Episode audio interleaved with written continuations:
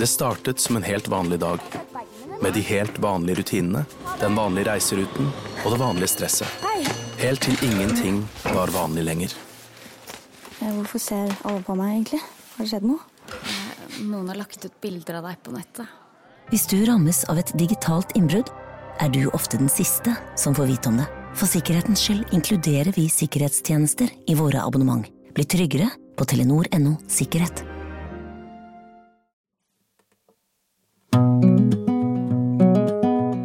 Alle har en syke, og jeg vil gjerne snakke om det. Det gjør jeg her, sammen med huspsykolog Magnus og en gjest. Dette er Pia på syke. Ja, Pia. Ja Jeg skal ikke si navnet ditt riktig ennå. Jeg, har tenkt- tenkt tenkt å begynne med Magnus, nemlig. Fordi jeg har lyst til å si til han som psykologen, huspsykologen Det er så, det er så trygt å ha en huspsykolog med seg i studio. Jeg føler meg nemlig litt liten nå. Å ja. Fordi vi har en sånn helt i studio. Ja, jeg vet det. Og ikke bare har hun et mot av en annen verden, så er hun i tillegg morsom og kul. Ja. Jeg vet det. Altså, og det er bare helt sånn, det er nesten litt irriterende når folk er så kule. For man er jo man er sjanseløs. Men da kan du ikke lene deg på meg, for jeg føler jo samme behovet som deg da. Og så er jeg også litt sånn redd for å tråkke i baret. Ja, ja. Eh, Men det er du kanskje vant til, Kadra Yusuf. Nå kom navnet ditt. Takk. Hei. Hei, velkommen hit. Tusen takk. Mm. Og jeg vil bare si at grunnen til at jeg kom, Pia, Ja. var fordi at jeg er krigsflyktning fra Somalia, og jeg er trebarnsmor. Og når du da sier at du har en huspsykolog Jeg takker ikke nei til gratis psykolog. tenker på gratis terapitime nå. Å, fy faen, ja. Da kommer jeg. Ja. Du, eh, vi skal eh, snakke alvor, Kadra. eh, Absolutt. Men vi skal først sneie innom showbiz. Yes. For du er jaggu i ferd med å bli filmstjerne òg. Det er å ta i, men jeg er i hvert fall med i en film. Ja. For Du er på vei til Amanda-utdelingen. Yes. Så jeg skal dele ut eh, pris på lørdag. Mm. Og så på søndag så er det uh, visningen av De uskyldige, som er Eskil Vogt Ja. sin Du, du må fortelle litt om den filmen. Du er uskyldige. De uskyldige er Eskil Vogt som uh, har laget og skrevet, Mm. og handler om Den er en veldig skummel film, i hvert fall. Mm. Det Og jeg vet ikke hvor mye jeg kan si før jeg liksom Nei, spoiler, det- og jeg tør ikke å spoile noen ting. så- Nei, nei, nei, ikke, ikke, spoile noe. Men uh, spiller, du, spiller du en morsom rolle, eller er du fæl, eller er du Jeg er veldig, veldig snill, men det skjer veldig mye kjipe ting. Jeg spiller mammaen til Ja. den ene jenta. Nei, ok. Mm. Utrolig spennende. Ja, det blir Jeg har ikke sett filmen ennå, så jeg er spent. oh, ja. Eh, altså, bare for å rekapitulere deg lite grann. Du ble jo holdt på å si verdenskjent da du eh, avslørte via denne TV 2-dokumentaren på begynnelsen av 2000-tallet Mm. at eh, imamer eh, oppfordrer til omskjæring av kvinner. Mm. Det forandra livet ditt ganske drastisk. Mm. Eh, For du har levd i skjul, du, mer eller mindre. Hemmelig nummer og adresse og Ja. Mm. Og du har til og med blitt fysisk angrepet. Yes. Så jeg har levd under det som heter en, under en kode i mange, mange år. Eh, Hva sa du for noe det heter? Under en kode. Under en kode. Så eh, det betyr at jeg egentlig har hett noe helt annet, og ikke har fant Kadra Yusuf har på en måte ikke eksistert i papirverden, da. Nei. Slik vi vet, liksom. Nei. Men er du det fortsatt? Nei, jeg jeg har nå navnet mitt, og for første gang eh, på 20 år så har jeg navnet mitt på postkassa. For første gang på 20 år. Jeg fikk det nå i januar, faktisk. Shit. Mm. Du, eh, betyr det at du har eh, levd et liv i frykt, liksom? Eh, hvor, hvor mye har det preget hverdagen din? Det har preget veldig mye, eh, og jeg har jo stor Eller hadde jo også ansvar for min eldste datter, hun er 17 nå. Så jeg fikk jo henne da jeg studerte i Volda, da var jeg 23. Eh, og flytta tilbake til Oslo. Og så var det jo liksom en del ting som skjedde også etter det. Jeg begynte å skrive igjen, og det var ikke alt som jeg skrev som gikk hjem hos en del folk. Så ble jeg slått ned i 2007. Mm. Eh, så det har jo liksom vært veldig mye Ja, vært mye dritt innimellom. Hvor hen, altså, det, det, er jo det er et mot, da. Du har et mot som jeg tenker ikke mange har. Kanskje i hvert fall ikke mange velger å bruke, da. Kanskje, jeg, vet ikke. Men hvor henter du det fra? Altså, hva, hva, hvor kommer det fra? Hva Jeg tror jo alle mennesker har det ekstra giret, da.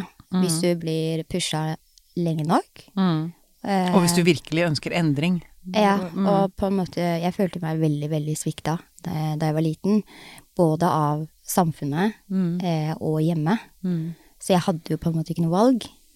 Eh, men når jeg ser tilbake nå, så ser jeg jo på en måte det livet jeg har, og det livet døtrene mine har, og hva slags valgmuligheter min 17-åring har. Så ser jeg jo på en måte at det var, en, det var en, et uunngåelig valg, da. Eh, du er født i 81, 1981 i Somalia. Mm. Og så eh, eh, flyktet du fra eh, du og din familie. Ja, jeg flyktet med min, eh, mine besteforeldre da krigen kom. Ja, ja. Og dette er eh, altså folkegenocide, Isaac genocide. Mm. Eh, folkemord i Somalia, som, som kalles det glemte folkemordet. Mm. Eh, hvorfor forsvant det, tror du? Fra verdens eh, Fordi at uh, Somalia har vært ganske kaotisk. Det har jo vært krig der i nesten 30 år, on and off, mm. og uenigheter og sånne ting. Så det er liksom på en måte gått litt under radaren. Eh, men det var jo eh, liksom, Ganske kort var jo Siad Barre, som da var president i Somalia, som da angrep uh, en del av liksom, klanen som er en del av, da, som er Isak-klanen. Og da endte med å liksom utradere to byer med luftangrep, da. Så han sendte rett og slett ut militæret på sivile. Eh, noe som gjorde at eh, veldig, veldig mange mennesker døde. Eh, og de finner jo masse graver til den dag i dag. Så man vet jo ikke egentlig eksakt hvor mange som ble drept, da. Så mm, Det er litt av en arv å bære med seg. Eh, ja. Ja. altså, jeg, jeg, jeg bare tenker igjen på jeg, jeg blir ofte så Altså, jeg blir så full av respekt for mennesker som har opplevd Når jeg tenker på hva jeg sliter med i mitt liv, av mine opplevelser, liksom, og så hører jeg hva du har opplevd, så tenker jeg gud, hvordan står du oppreist, liksom? Altså, du var Grunnen til at jeg sa at du var født i 1981, var at du flyktet Altså, denne krigen var i eh, Altså, du var seks-sju år Mm. da du flyktet. Har du mange minner fra det? Jeg har det. Jeg har det. Eh, Jeg var med i Sommer i P2, og så skrev jeg litt om det. Og det var utrolig gøy, for det var veldig mange flyktningbarn som kjente seg igjen i det. Som Ja. nå er voksne, som var sånn 'Å, jeg husker den isen, og jeg husker det og det'. Så jeg husker en del ting. Og jeg, jeg tror jo um, ofte at man tror at flyktningbarn er veldig sånn skjøre vesener. Det er de ikke. Veldig mange av de er jo ikke det.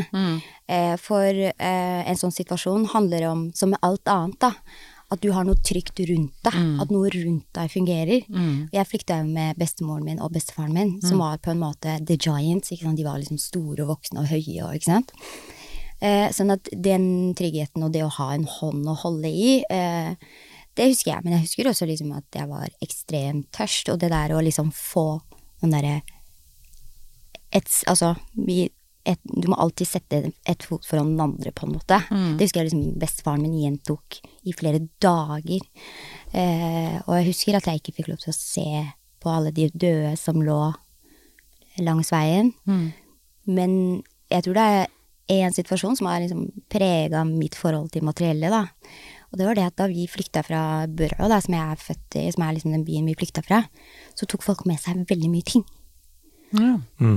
De tok med seg liksom mest mulig, da. Og så gikk vi og gikk og gikk og gikk, og så snudde vi oss.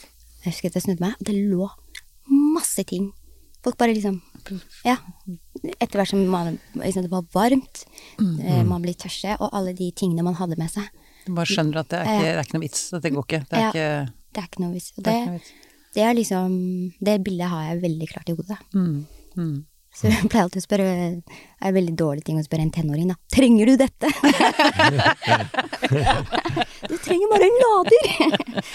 Men hvor, hvor, si, hvor, hvor mye av den historien du bærer med deg, um, tenker du på dette sånn ofte, liksom? Eh, Eller er det nå når jeg spør om det, at, at det liksom dukker frem. Ha, ha, altså man har jo med seg erfaringene sine, selvfølgelig, men stiller du ofte opp mot hverandre? Altså det livet du har i Norge nå, barna dine har, mot det du opplevde da du var liten? Eh, Ja, jeg, spør du min tenåringsdatter, så vil hun jo si at hun er sånn typisk afrikansk mamma som var sånn Skru av vannet, folk! Kaster ikke den skjorta, kaster, Ja, kaster ikke den maten, Du kaster ikke vet den at folk dør! Ja, det er, jeg er veldig på det. Ja. Men, ja. men det som jeg um, husker var at da vi kom til Norge, så var det sånn at alle forventa at vi skulle være glad. At jeg skulle være glad. Det liksom var sånn Åh, er ikke det Nå er du endelig trygg, og dette er liksom Det er asfalt, det er vann i springen, det er mat. Men jeg, det jeg også husker, var en sånn ekstrem ensomhetsfølelse. At jeg følte at jeg hadde svikta mine besteforeldre, for de blei jo igjen. Å ja. Sant, De var jo igjen. Og, eh, så vi, jeg kom jo på det som heter familiegjenforening, så moren min flykta jo. Så vi var jo der nede. Og så hadde jeg ikke sett henne på en del år. Så jeg hadde jo de som mine nærmeste. Så kom jeg til Norge uten dem, og det var, det var ekstremt sårt. Um, å liksom gå i den Jeg hadde liksom dårlig samvittighet, da. Fordi jeg følte jo liksom at jeg var jo ung og sterk, mens de var gamle. Det var de som skulle ha vært der. Og så er det på en måte det at man forventer at man skal begynne på nytt da. ikke sant? Em, nå begynner livet ditt, liksom. Velkommen til Norge. Så Sånn man bare kan utradere de første Ja. seks-sju årene. Mm. Mm. Mm. Mm. Ja, hva tenker du, Magnus, når du hører Kadras uh, fortelling? Eller når du Altså, det er noe som heter uh, at den forliste kollapser ikke før man kommer på land. Mm. Mm. Eh, og det tror jeg nok eh, en del med Kadras bakgrunn da, kan kjenne seg igjen i. Man Mm. kommer til et trygt land, Mm. eh, og først da tillater systemet og kroppen å ta innover seg de erfaringene man har med seg i bagasjen. Ja. Og det er liksom ikke da det punktet hvor man jubler og eh, har lyst til å feire dette flotte landet man har kommet til. Mm. Mm. Så, og, og jeg ser helt klart at det må være vanskelig å møte det perspektivet fra andre, som forventer at du skal reagere på den måten. Mm. Mm. Ja, og ikke minst, altså jeg skjønner veldig godt det der, men nå er jo alt perfekt. mm, Fordi du er kommet til landet vårt, heldig gris, liksom. mm, Og så eh, glemmer man eh, relasjonene du har Mm. mistet. Um, og ja. Og så hjemme også er det jo på en måte ikke tillatt heller, for de som har flyktet hit, da. De har jo, sånn som moren min og sånn, de har jo opplevd veldig mye. Mm. Og jobbet veldig hardt for å få oss hit. Mm. Sånn at det er liksom en smule utakknemlig. Å liksom si at man savner noe. Ja. Bare sånn, men hva Vet du alt jeg har vært igjennom for at du skal få det jævla røde passet der, liksom? Ja, ja, ja, ja. Slutt å sitte! Ja. så det blir liksom Men um, jeg hadde en god, veldig, veldig god lærer som gjorde et par liksom sånne ting, da. Som jeg har egentlig lyst til å gjøre for barn med, som flyktningbarn. Å, få høre. Nei, hun eh, i- Da jeg begynte der, så skulle jeg Det var etter sommerferien, da. Vi kom i februar, og så begynte jeg på skolen i august. Og så var det sånn eh, Tegn en sommerdag, sa han. Mm. Ikke Mm. sant? Det skulle vi gjøre, da. Mm. Og da tegner jo liksom folk eh, eh, hvitveis og blomster og grøntgress og sånn. Ja. Eh, men jeg tegna jo ikke det. Og, øh, Hva jeg tegna du? Nei, og så er det jo litt sånn at norske barn tegner sola veldig gul. Den er jævlig gul. Der jeg kom fra, så er ikke sola så Den er liksom rød. Rød, rødgul, rød Ja. Ja, nettopp. Så, Ja. så jeg brukte helt andre farger. Og da, da sa Bjørg, da, som var min lærer, at um, det var veldig interessante farger. Hvorfor, hvorfor tegna du det? Nei, fordi dette er de fargene jeg er vant til, liksom. Mm. Og blomstene var halvdøde. Det var jo sånn ørken. så det er ingen liksom, røde blomster og sånn, veldig lite gress. Veldig mye sånn brun ja, greier. Ja. Ja. Det var, som jeg sa, det var ikke regntiden. Nei, topp. Men eh, hun tok Hun sa det var veldig fint, og ba meg om å fortsette å tegne og skrive om ting fra der jeg kom fra. Ja. Og så hang hun opp de tegningene. Og det var en sånn Jeg tror jeg var første gang at jeg møtte en anerkjennelse for at jeg hadde en annen bakgrunn også. Mm. Ja. Mm. Det, var, det var veldig viktig. For jeg opplevde ikke det noen andre steder. da. Og det blir jo Det er jo eh, sånn Jeg skjønner jo at det er sånn, men det er jo provoserende å høre det. Det er jo det er så åpenbart. Mm. At uansett hva man kommer fra, om man kommer fra en bondegård på Toten eller en eh, høyblokk på Høybråten Altså, eh, man har Altså eh, Alle trenger å bli sett for det de er, liksom. Mm. Så ikke bli tvunget inn i et eller annet eh, bilde av hvordan det skal være. Altså, jeg, ja, jeg syns bare det er så åpenbart, da. Ja, jeg tror man liksom gjør ting mye vanskeligere nå, ikke sant. Man skal liksom, det er så mye ting man skal gjøre i skolen, der man skal på en måte være moderne. Men egentlig så er det veldig enkelt. Dette var jo liksom lenge før mangfoldskompetanse. ikke sant? Så det er helt sånn basic one for barn, da. Mm, mm. Eh, og det er ofte det når jeg blir bedt om å holde foredrag, så får jeg en sånn lang liste da, av lærere og sånn. Jeg har lyst til å bli kjent med elevene mine på um, deres følelsesspråk. Og jeg bare å jøss, de har en helt annen følelsesspråk. Mohammed har en helt annen følelsesspråk enn Anders, Ja. som sitter ved siden av. Det er jo ikke nødvendigvis sant, altså, hvis de begge to er født der. Kanskje de har andre erfaringer, men man gjør det så jækla komplisert, da. Mm. Mm. Og det er egentlig igjen, som vi har snakket om før her i Piasyken, sunt bondevett er ikke så dumt. Nei. Mm. Mm. Så fortalte du meg at nå i denne pandemien, det har vært en utfordring for deg av egentlig kanskje andre grunner enn vi som ikke kommer fra Som ikke er flyktninger. Mm. Hva, hva var det som skjedde med deg? Altså, jeg er jo en hverdagsmenneske. Jeg er jo glad i knagger i hverdagen. Jeg må ha det. Ja. For at jeg har levd såpass liv som er veldig sånn uh, Vært eh, urolig, da. Så jeg liker å vite hva jeg skal, og hvor jeg skal. Um, og så plutselig så var det bare totalt unntakstilstand.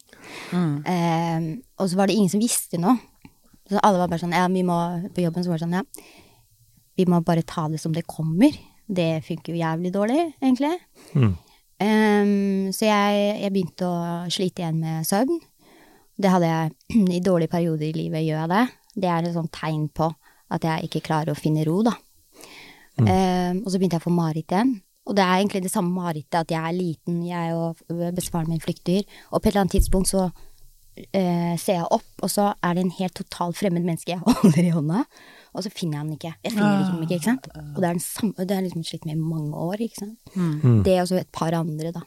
Mm. Da kjente jeg jo liksom at nå eh, Nå er det på en måte Fikk jeg liksom mange kjipe opplevelser, da. Ja, for det er, det er Magnus, det, dette med å få Altså, når man har altså rutiner eh, Man har sitt vante liv, og når det plutselig blir borte Mm. Det er vel kanskje ganske typisk at da velter det tilbake, liksom. At man, man mister de faste rammene. Mm.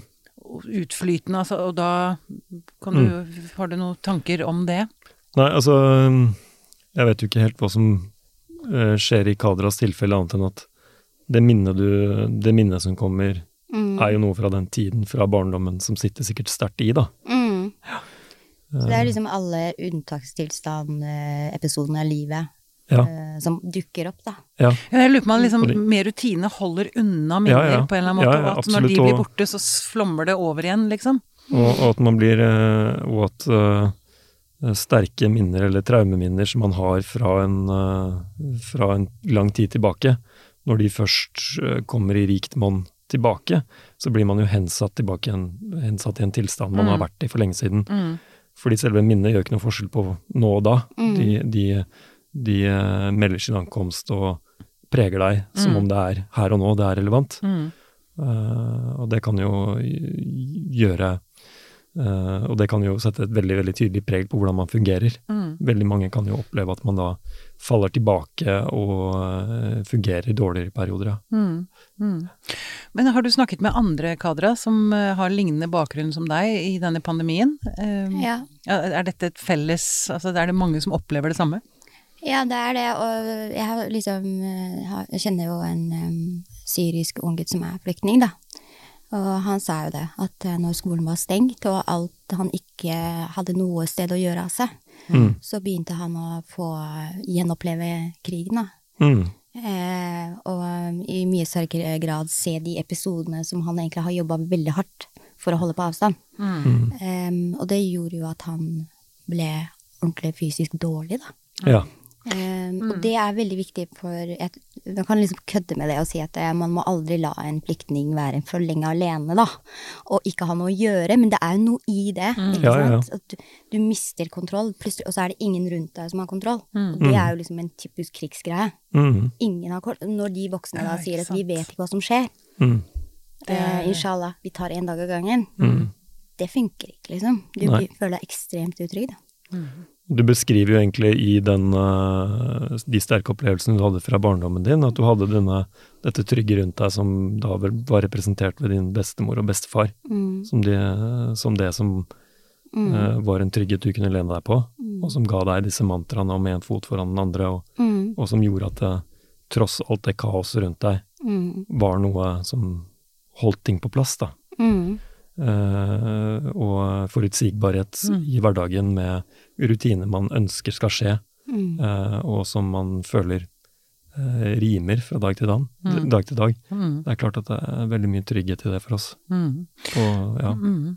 Er det kommet noen undersøkelser på hva, hvordan denne pandemien har påvirket eh, kanskje spesielt flyktninger, innvandrere?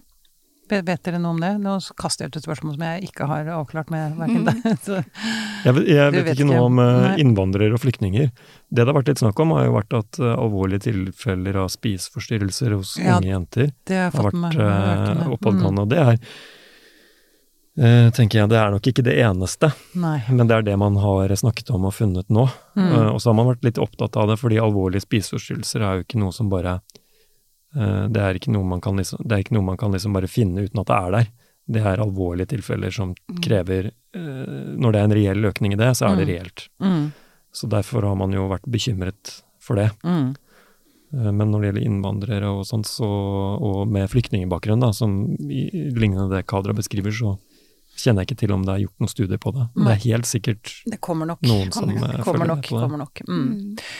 Um, eh, har du Altså, når man kommer med så sterke og traumatiserende opplevelser som du da gjorde, i Kadra, så regner jeg med at altså Um, man vil ha behov for psykologhjelp. Altså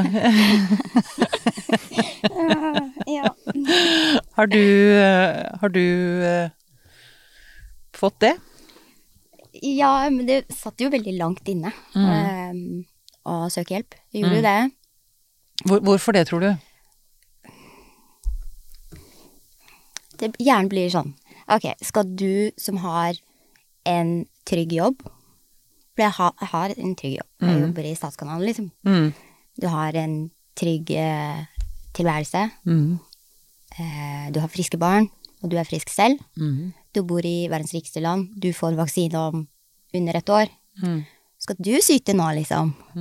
Ikke sant? Og, det, det er, og det, liksom, skal du på en måte ta plassen til noen andre som virkelig trenger det? det øh, og det, det husker jeg også liksom at jeg tenkte da jeg var yngre, at øh, hvis jeg syntes noe var vanskelig, og hadde egentlig kunne tenkt meg å gå til liksom, helsesøsteren på skolen, Mm. så er jeg litt sånn mm, Skal du syte nå, Kadra? Men tenker du at du, Altså, har, da har du altså- mindre rett til å syte enn eh, Ja, fordi Eller du høres ut som du syter mye mindre enn vanlige nordmenn, holdt jeg på å si. Nei, jeg, jeg, jeg tror jo at eh, Jeg tror jo at det å eh, Det er også en annen side av det å få lov til å komme til Norge. Mm. Betyr at noen andre ikke fikk komme. Jeg har jo fettere og kusiner og familier som ble igjen i krigen. Mm. Um, sånn at du, du hører jo det i oppveksten, at du er den hellige. Mm. Ikke sant? Og de andre døde, eller ble igjen, eller ble gravide som tolvåringer. Mm. Sånn at um, det er nesten litt sånn Frihetsgudinnen, da, ikke sant? Den som Ja, ja. på en måte Akkurat. Du er den utvalgte, eller Mm. den Få- eh, ja, mm, Den som mm. får det kort, gullkortet, da. Gullkortet. Mm. Da kan ikke du liksom kaste det bort. Du kan Mm. ikke ha Det er ikke noe rom for å em, syte, da. Fordi alternativet kunne ha vært så jæklig mye verre. Mm. Og, eh, sånn at det, det henger igjen, da. Mm. Men em, Og så var det jo liksom helt fullt eh, Det var jo ikke mulig å få offentlig psykolog, men jeg klarte liksom til slutt å komme meg til valget. Men først nå i, i pandemien, altså jeg tenker på disse 20 åra du levde i frykt. Altså jeg, jeg vet ikke, jeg hadde ikke klart det uten å få Mm. Jeg har liksom gått til psykolog tidligere. eh, det har jeg en periode. Mm. Men da er det liksom, da er det ille. Ja. Da er det skikkelig ille, liksom. Men tenker du at, eh, eller syns du at eh, eh, psykologene forstår hva du Klarer de å møte deg på det du har opplevd? Det, har, det gikk veldig lang tid før jeg møtte en psykolog som jeg opplevde forsto litt mer, da. Um, fordi at eh, du må på en måte ha litt erfaring, tror jeg. Og så tror jeg du må forstå at religion er makt. Mm. Og den har veldig stor innvirkning på når du har vokst opp med religiøsitet, da. Eh, du må også forstå at det fins eh, Når man sier liksom negativ sosial kontroll, så handler ikke det om at ikke du får lov til å gå ut på byen, liksom. Mm. Um, og så må man også forstå det som da heter eh, Altså skyldfølelse, da. Det er veldig mye skyldfølelse i det å være flyktningbarn. Du skal få det til. Hvis ikke du får det til på den riktige måten, da har du fucka det til for deg sjøl og for alle andre. Ja, så få det til, få til livet her og nå, Ja, jobb få- og barn og hus og Bruke muligheten du har fått. Bruke alle ja, mulighetene du har fått, og på en måte gi noe tilbake til alle de som gjorde det mulig at du kunne komme hit, da. Mm. Så det er veldig mye skyldfølelse, da, i det. Um, du blir veldig individ, og det er veldig liksom Det er det motsatte av det man skal være, da.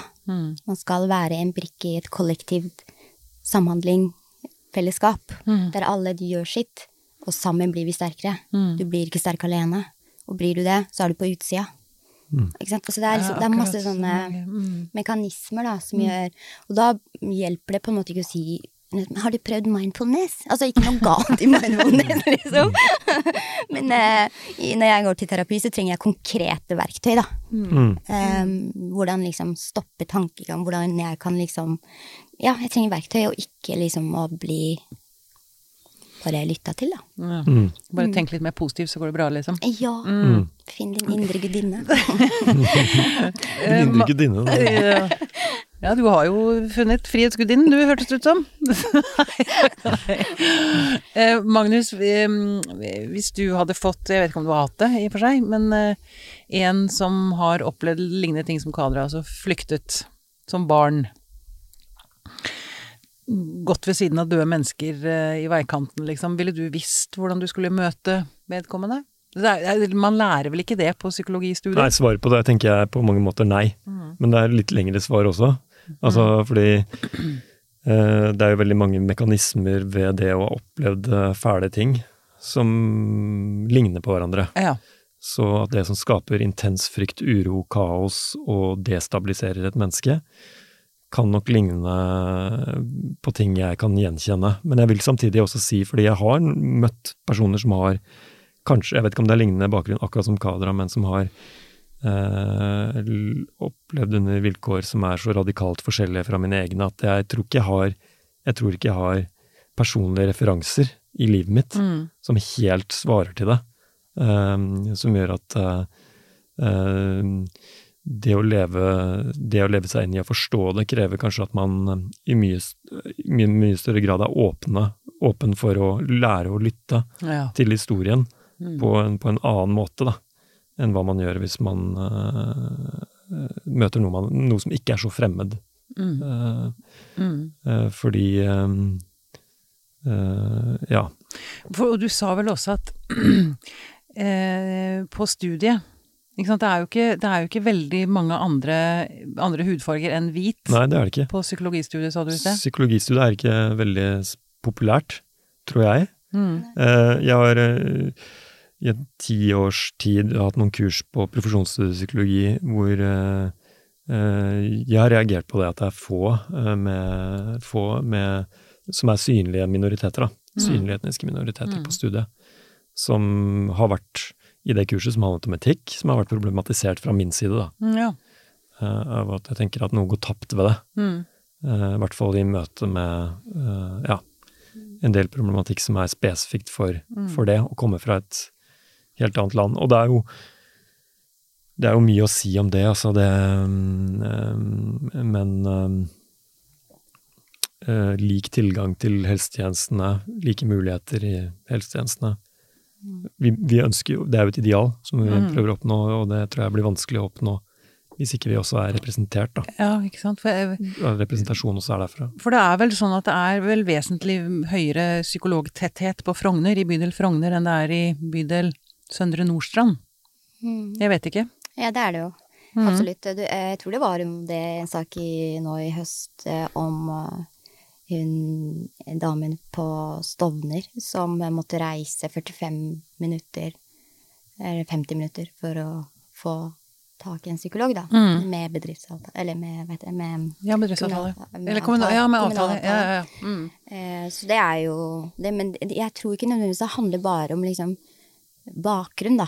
Jeg tror det handler også om alder, Mm. kjønn. Man vet jo eksempel at gutter med minoritetsbakgrunn har mye høyere, eller har mye større em, eh, frafall hvis det er en kvinnelig psykolog, Ja. enn hvis det er en mannlig psykolog, for Mm. eksempel. Mm. Eh, så jeg tror liksom hel, bare det at det er spredning i alder og kjønn og, og så videre, er kjempeviktig. Ja. Jeg pleier å si at eh, den typiske norske psykologen på, er Oda fra Berg, liksom.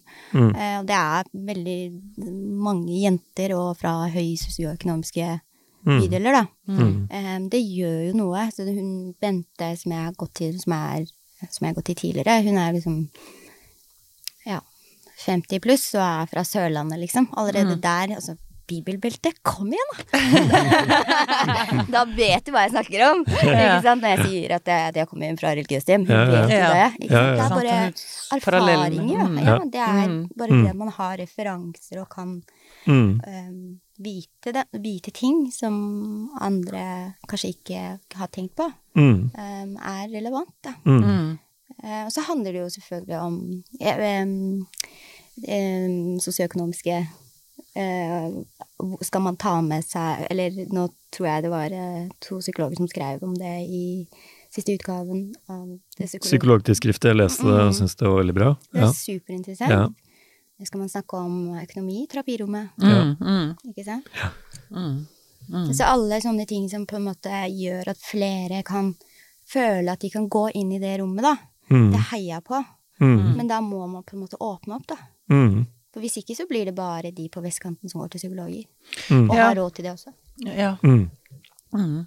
Men er det også, for å pense det litt mer inn på religion også, som, som jeg også har lyst til å snakke med deg litt om, for det eh, Er det også en høyere terskel for for eksempel en muslim å gå til en og be om hjelp hos en psykolog eller psykiater?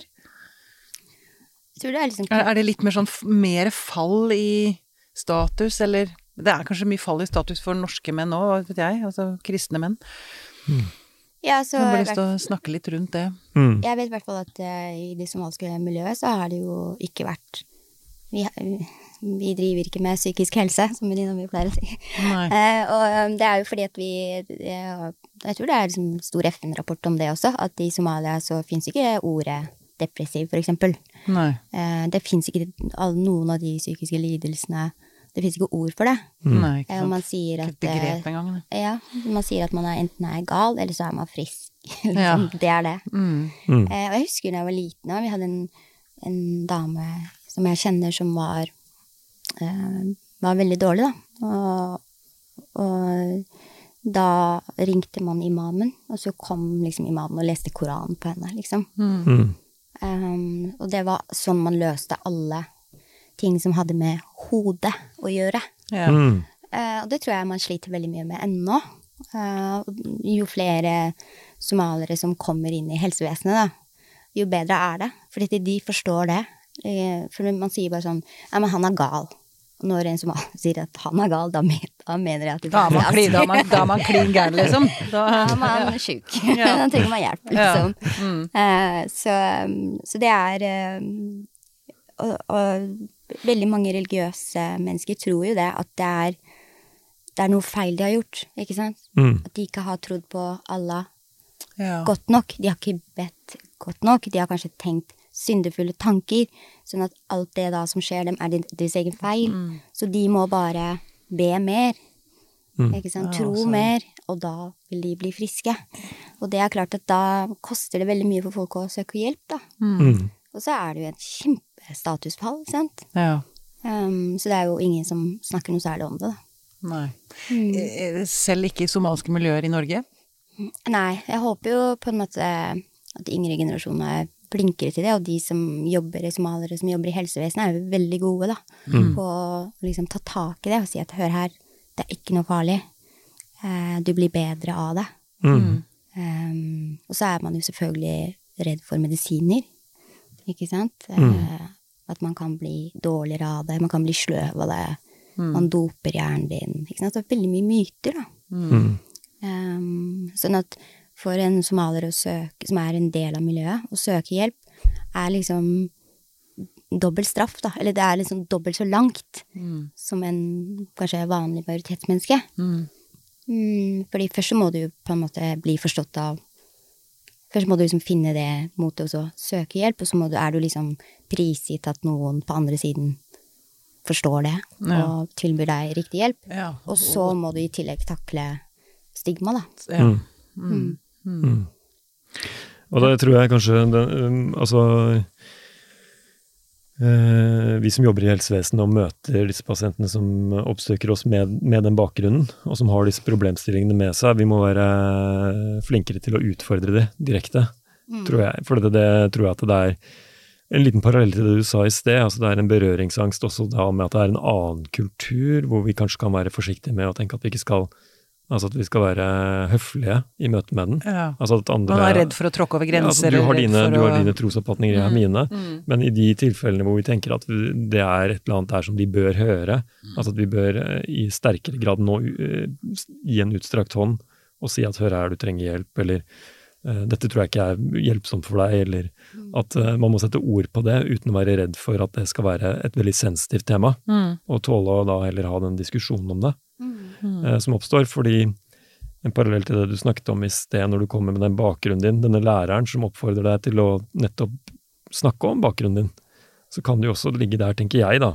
Eh, Det er sikkert mange grunner til at folk har berøringsangst med, med at du skal åpne opp eh, døren til fortiden din når du kommer derfra, fordi de kanskje selv har tenker at det er det der er sikkert et vanvittig vepsebol av Ja, fæle ting. det blir for mye for Beste meg, liksom. Og beste er kanskje Og det kan jo handle en dels om å beskytte kadra, eh, og dels om å beskytte seg selv også, fra å måtte høre alle disse fæle historiene og måtte ta inn over seg at verden også er, inneholder dette. Mm. Og heller bare prøve, og kan vi ikke være enige om å bare benekte det og gå videre, eh, og prøve å ta, takle det. Mm. Det tror jeg, det tror jeg en del Det har jeg fått tilbakemelding på at en del eh, pasienter også eh, setter pris på, da. Eh, sette tatt- Setter pris på å berøre berøringsangsten? Nei, Nei, eh, nei, at man på tar, tematiserer det, Ja, og, og tar, Mm. tar det på alvor, da. Mm. Og er mer direkte. Mm. Mm. Hva tenker du om det, Kadra, det Magnus sier? Jeg At, tror, ja. jeg tror det er absolutt uh, viktig. Jeg tror jeg er helt enig i det. Mm. At man er uh, eh, Jeg tror nordmenn er veldig redde, da. ja. Eh, For å på en måte jeg skal jo ikke dra Vi trenger jo ikke å snakke om eh, din fæle bakgrunn. Og så blir jeg litt sånn Hvordan vet du at det bare var fælt? Ja. Hadde det jævlig gøy også på Kristian skal jeg si. så det blir liksom Det blir så um, Man er liksom redd for eh, vanskelige ting, da. Samtidig som man egentlig Vi går rundt og later som vi er et veldig åpent samfunn. Men på mange ting så er vi kanskje ikke det heller. Og det er mye frykt, da, som går begge veier. Mm. Uh, jeg er jo spesielt at jeg er jo kvinne. Jeg er jo jente og vokst opp her, og det er klart at jeg får jo veldig mye fordeler. Jeg um, eh, Det er lettere for meg å snakke om ting Mm. enn det det var for for broren min, som er storebroren min, og som eh, og jeg, jeg Fordi du er jente, tenker du? Man blir jo kanskje lettere sett, da. Ja. Um, men også fordi at jeg For det har ikke med statusfall å gjøre, det var det jeg spurte eller lurte på. Mm. Ja, jeg tror han hadde mye høyere liksom, stat. Det var mye mer forventninger til han, Mm. tross alt. Han var en gutt, da. Mm. Eh, men så tror jeg det er lettere å se jenter, kanskje. Også fordi vi er flinkere til å snakke for oss, da. Mm. Eh, og jeg har, eh, jeg har tidligere spurt ham om det, og han har sagt at det var greit, men jeg husker jo at da vi eh, kom til Norge, så eh, fikk vi et Nå skal vi bo i et rekkehus på Holmlia, på Hallagerbakken. Og, um, og hver natt, så de første årene, så hørte jeg han skrike, da, om natta. Mm. Han hadde jo sett veldig mange fæle ting. eh, i krigen. Og så om morgenen så um, gikk moren min alltid inn på soverommet og skifta sengetøy. Vi snakka aldri om det. Mm. Aldri. Mm. Ikke sant? Det var aldri noen som spurte sånn Hvorfor sover du så dårlig som en tiåring, liksom? Mm. Det var liksom, man snakket aldri om det, da. Eh, og heller ikke på skolen var det jo liksom Og for moren min så var det sånn Han var, det var, han var den eneste gutten, da. Han var liksom Det er håpet, på en måte. Mm. Og han skulle fikse ting, Ja. Ja, men også for det, det er holdningen hjemmefra. Som, Mm. altså, at de, man, man gjør det verre kanskje med å snakke om det. Det er det som er tanken? Eller at Det bare går, går over. det, det, Det går over. Det går over, Ja, ja. det går over. ja. Um, um, og det liksom uh, Det handler også om retraumatisering. Altså, jeg møter jo veldig mange unge gutter som er født her, men som har så mye issues med å gå med liksom Behandler liksom Oslo som om det er rene krigssona, ikke sant? Og det handler jo ikke så mye om at de er fæle. Det er bare det at ingen har klart å fange de, da. På noe som helst måte. De har ikke fått lov til å lande noe sted med alt Nei. det de har. Mm.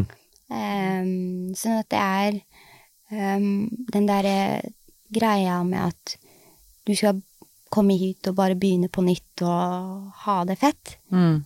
Det er, det er mange det ikke funker for, da, for å si det sånn. det. Um, og det er en dyr pris å betale, så jeg tenker at på sikt så må man jo kunne ja, Mm. rekke ut en hånd, da.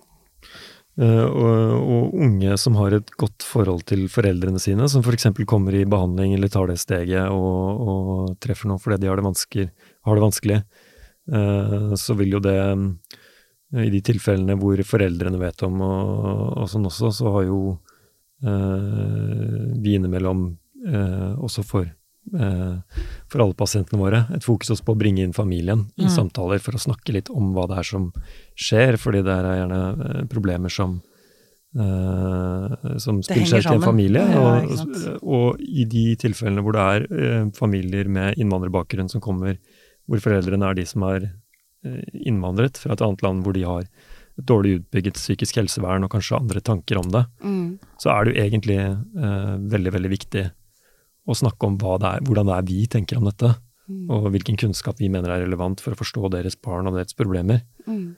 De samtalene kan jo være ofte overraskende gode. Mm. Eh, fordi det er ikke alltid det er så veldig mye motstand, egentlig. Nei. Det kan være egentlig et ønske om den kunnskapen, at det går egentlig veldig lett igjennom når du først eh, har folk i samtale. Ja, åpner den døra. Ja. Mm, mm. Hvor eh, oppfatning, oppfatningen om eh, hva dette er for noe, hvordan det skal forstås, Mm, kan fort hjelpe det barnet da, eller den unge som søker behandling. mm, Ja. mm, Og da er det jo bipolar lidelse som jeg jobber mest med, mm. eh, hvor, det, hvor det kan være til veldig stor hjelp, opplever vi da. Ja. Mhm. Eh, Du snakket om kadra, eller dette med altså, det, er, det er mye redsel på begge sider.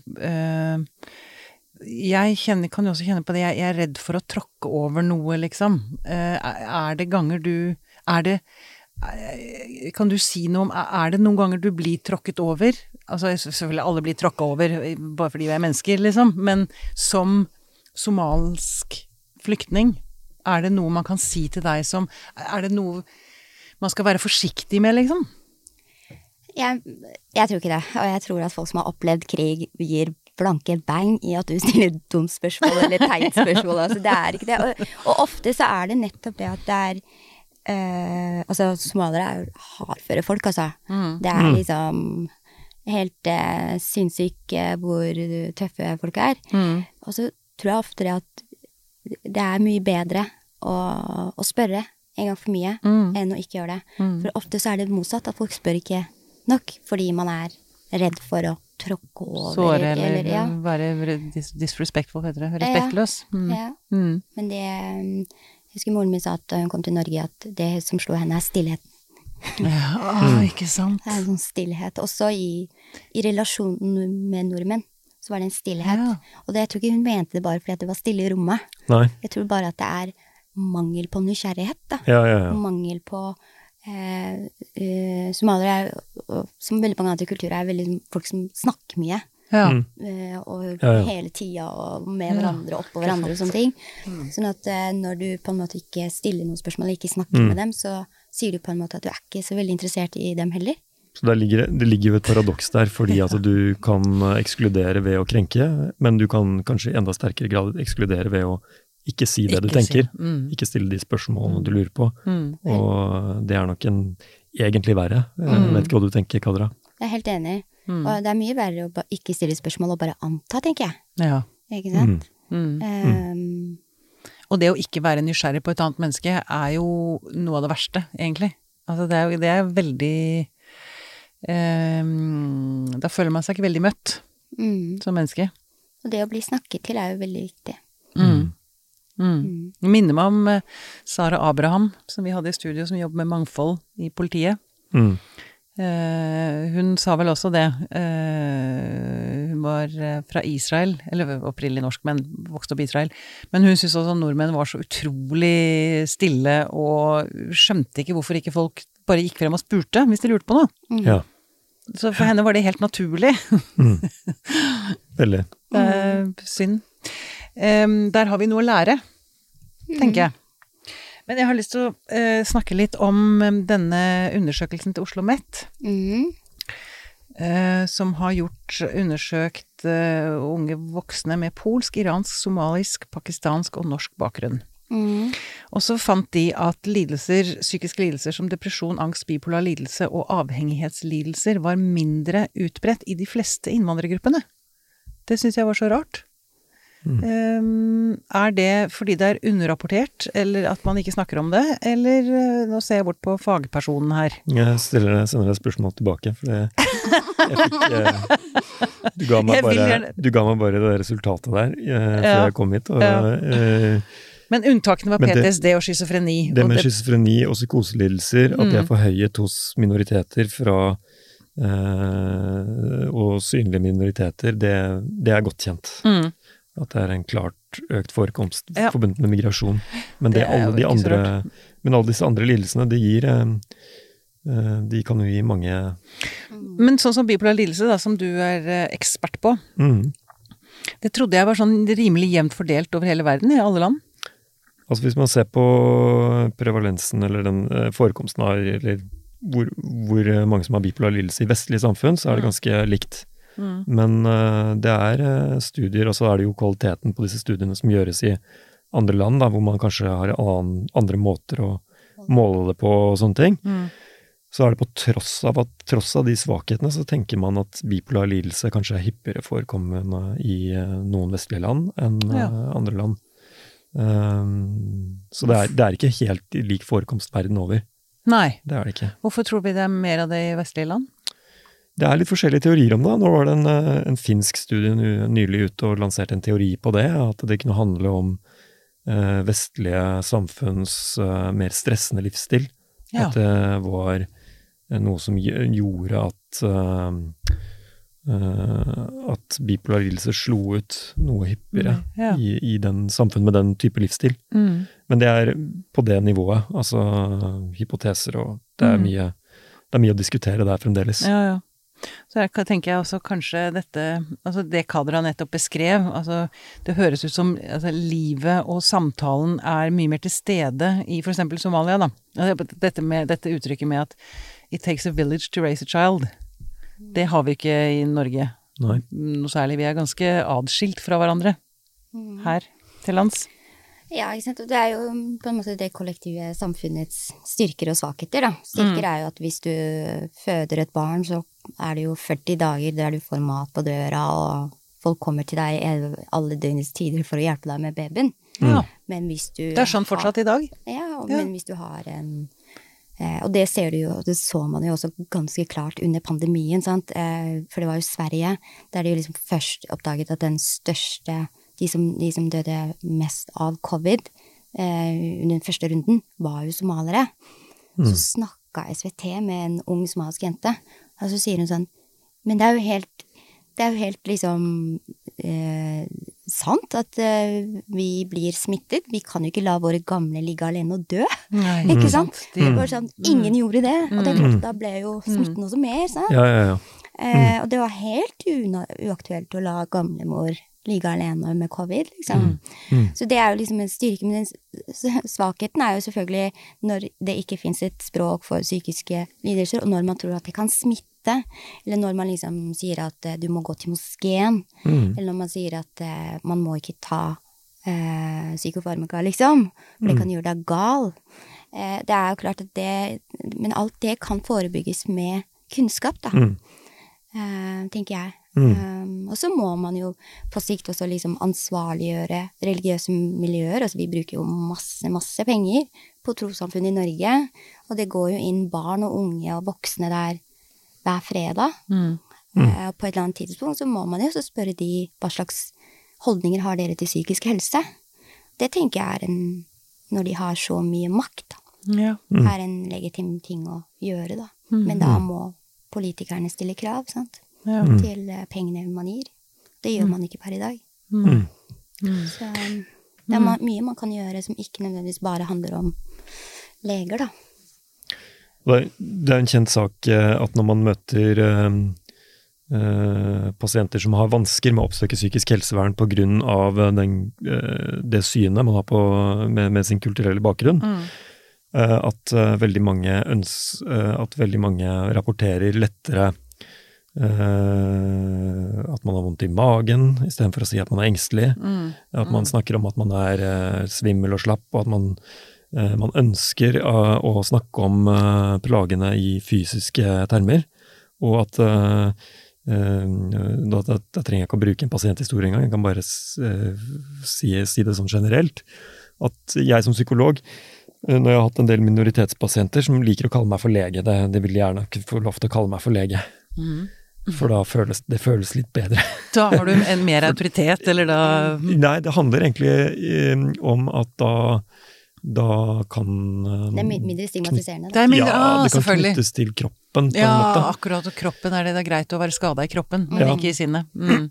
Og det er ganske Det kan i, i visse jeg, jeg tror det er mye bedre hos generasjon, nyere eh, generasjoner som har bodd i Norge over noe tid, men det kan være påfallende hos de som eh, kommer fra den kulturen og har det veldig med seg. Mm.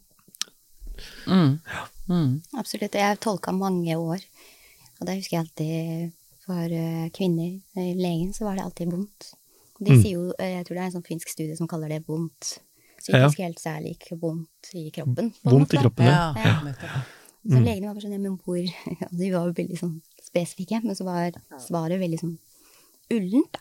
Mm. Så de klarte aldri egentlig å kommunisere. Men det er klart det kan ikke være så lett hvis man ikke har et ord for f.eks. depresjon. Hvis ikke det er et begrep, så er det klart at det er fryktelig vanskelig å forklare hva det er for noe. Mm. Og så merker jeg det at jeg som er på utsiden, da, for jeg er jo på en måte ikke en del av det somaliske miljøet på samme måte som kanskje veldig mange andre, da, Mm. så er det veldig ofte at folk spør meg da, om jeg kan være med å tolke hvis de skal liksom snakke om noe viktig til, Mm. la oss si, til fastlegen din, da. Mm. Eh, fordi at eh, de vet i hvert fall at jeg skjønner konseptet taushetsplikt.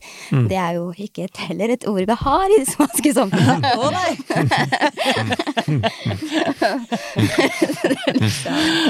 ja. ja, det er gøy det der. Mm. Du, innenfor dette feltet mm, eh, vi har snakket om nå, Kadra, hva drømmer du om for fremtiden? Hva skulle du ønske for Norge, eller for innvandrere i Norge? Hva, er ditt, eh, hva skulle du ønske politikere Altså, hva, hvordan gjør vi dette? Hvordan møtes vi bedre?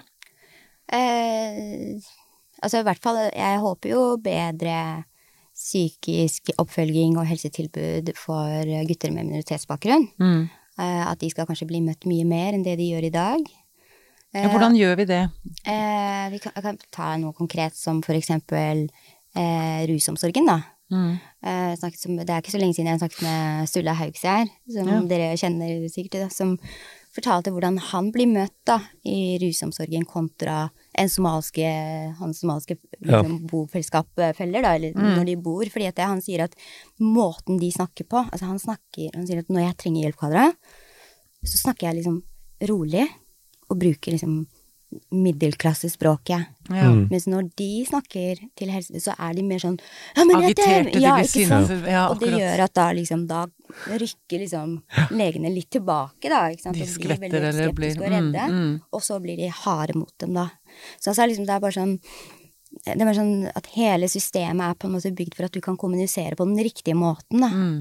Og at det gjør at veldig mange kanskje ikke får den hjelpen, og den gjør at ikke de er vant til at man skal stille spørsmålstegn, da. Du, Mm. dette her funker ikke for meg. Mm. Ikke sant?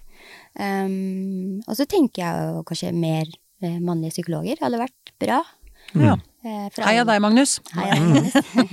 det tror jeg er bra for hele samfunnet. Jeg tror Ja. ikke det bare er bra for minoriteter, men jeg tror at det er bra å få spredning i Både alder og kjønn og Ja. mm. Mm. hen og hen og, og all verdens hudfarger òg. mm.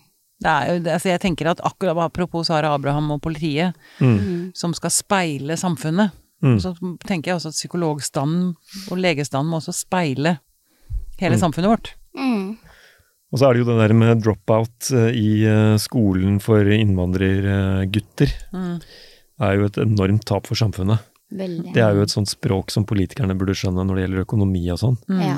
Eh, altså de ressursene, eh, Mm. menneskelige ressursene, Mm. eh, er jo eh, eh, Det blir jo tragiske skjebner og Mm. mye lidelse, men det, men det er jo også det eh, hva vi går glipp av.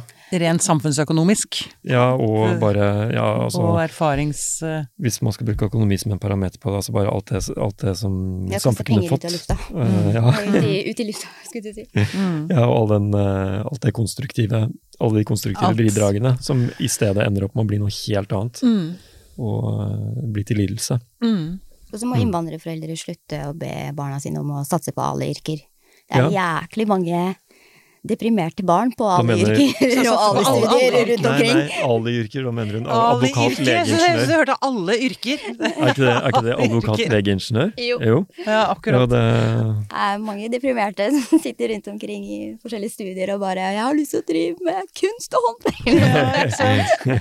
Lyst til å bli snekker, lyst til å bli kokk. Kanskje psykolog. Psykolog, ja. ja, nettopp. Nettopp. Jeg tenker også dette med altså, Apropos historien du fortalte om Sturla Haugsgjerd og hans somalske bofelle. En ting, er, altså, en ting er å lære seg andre språk, men også lære, forstå andre. Dette er jo sosialantropologer. Inn altså lære seg for, altså, At man, vi kommuniserer på forskjellige måter.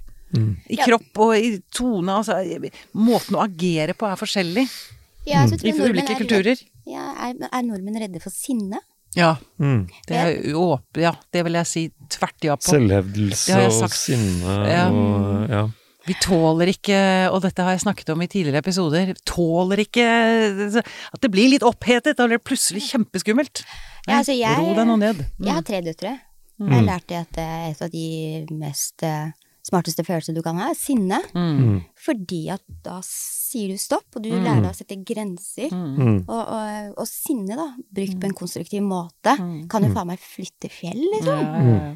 Sånn at, at man er liksom så redd for at man liksom virker irrasjonell sånn. Og det er, det er sånn Jeg kan si at jeg, nå er jeg veldig, veldig skuffa over deg. Eller jeg kan ta den somaliske sinnet som er sånn derre Hva faen mener du?! Hadde Sofia der. Jeg syns det er utrolig befriende. Du tar ikke den på flyplassen, for å si det sånn. Nei. Men det er jo altså, ordentlig Altså rent sinne kan man jo Det er jo mye lettere å møte. Mm. Altså, det er en ærlig, redelig følelse, liksom. Altså, mens alle disse her forsiktige en- omskrivningene Og kanskje hvis du kunne altså, Men det det ligger en, en kjensgjerning i det at det ligger veldig veldig mye sykdom i det å forholde seg lite konstruktivt til sinne. Ja. Og til det å Ja, eh, um, eh, holde det inni seg eh, og eh, kanalisere det Mm, innover. mm. Eh, Ja, det er jo psykologen sier jo ofte det at altså, hvis man sliter med det er jo blitt en litt sånn klisjé, ikke sant? ja, det er sånn du Eh, og- finner sinnet ditt, for der har du jo styrken. Ja. Mm. Hvis jeg ikke hadde vært sinna, så ville jeg aldri blitt den jeg var, for eksempel. Nei, ikke sant. Du har nok selvfølgelig hatt masse raseri. Det er jo mye kraftig, ja.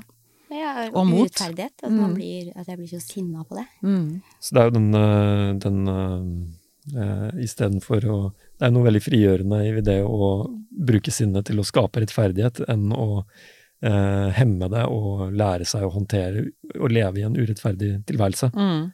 Det er jo mye sykere. Mm. Ja, og så har jeg lært etter at jeg begynte i yrkeslivet, at det er ingen som har et problem. Alle har en utfordring. Er du enig i det? Det formildende omskrivningene. kan fort bli litt, litt for mye av det òg. Mildne alle uttrykk. Ja. Nei, heia Sinne. Det er vi for. Um, er det noe du har lyst til å føye til på slutten, Kadra? Noe du tenker at uh... Nei, men jeg kunne sikkert ha snakket mer om uh, religiøsitet og psykisk helse, men det, jeg kommer gjerne tilbake siden du har Magnus her. men jeg, jeg kan bare gå ut og lukke døra, så kan dere bli sittende her. Fikse verden. Lage en handlingsplan. Men vi kan få noe lesestoff og forberede oss til en ny episode. Så. ja. Skal liksom nye helseministeren ringe meg og Magnus når de skal lage ny Komme med statsbudsjettet neste år, liksom. Ja, men ja, ja, det, det, det, er en klar oppfordring. Det er, helt, det, det er jeg veldig for. Er, her sitter vi jo med enorm kompetanse. We fix. Yes, we fix, we fix. No det er veldig godt å vite at dere nå har uh, løst det problemet de problemene. Ja, men det er bare ett av mange problemer vi kommer til å løse. Ja, men det er fint. Det er veldig, da føler jeg meg veldig trygg på ja. Norges fremtid her. bare husk å stemme, da. Ja, husk å stemme. Ja, husk å stemme. Veldig bra. Kadra Yusuf, tusen takk for at du kom til oss. Det var veldig fint å ha deg her. Veldig fint å ha deg her.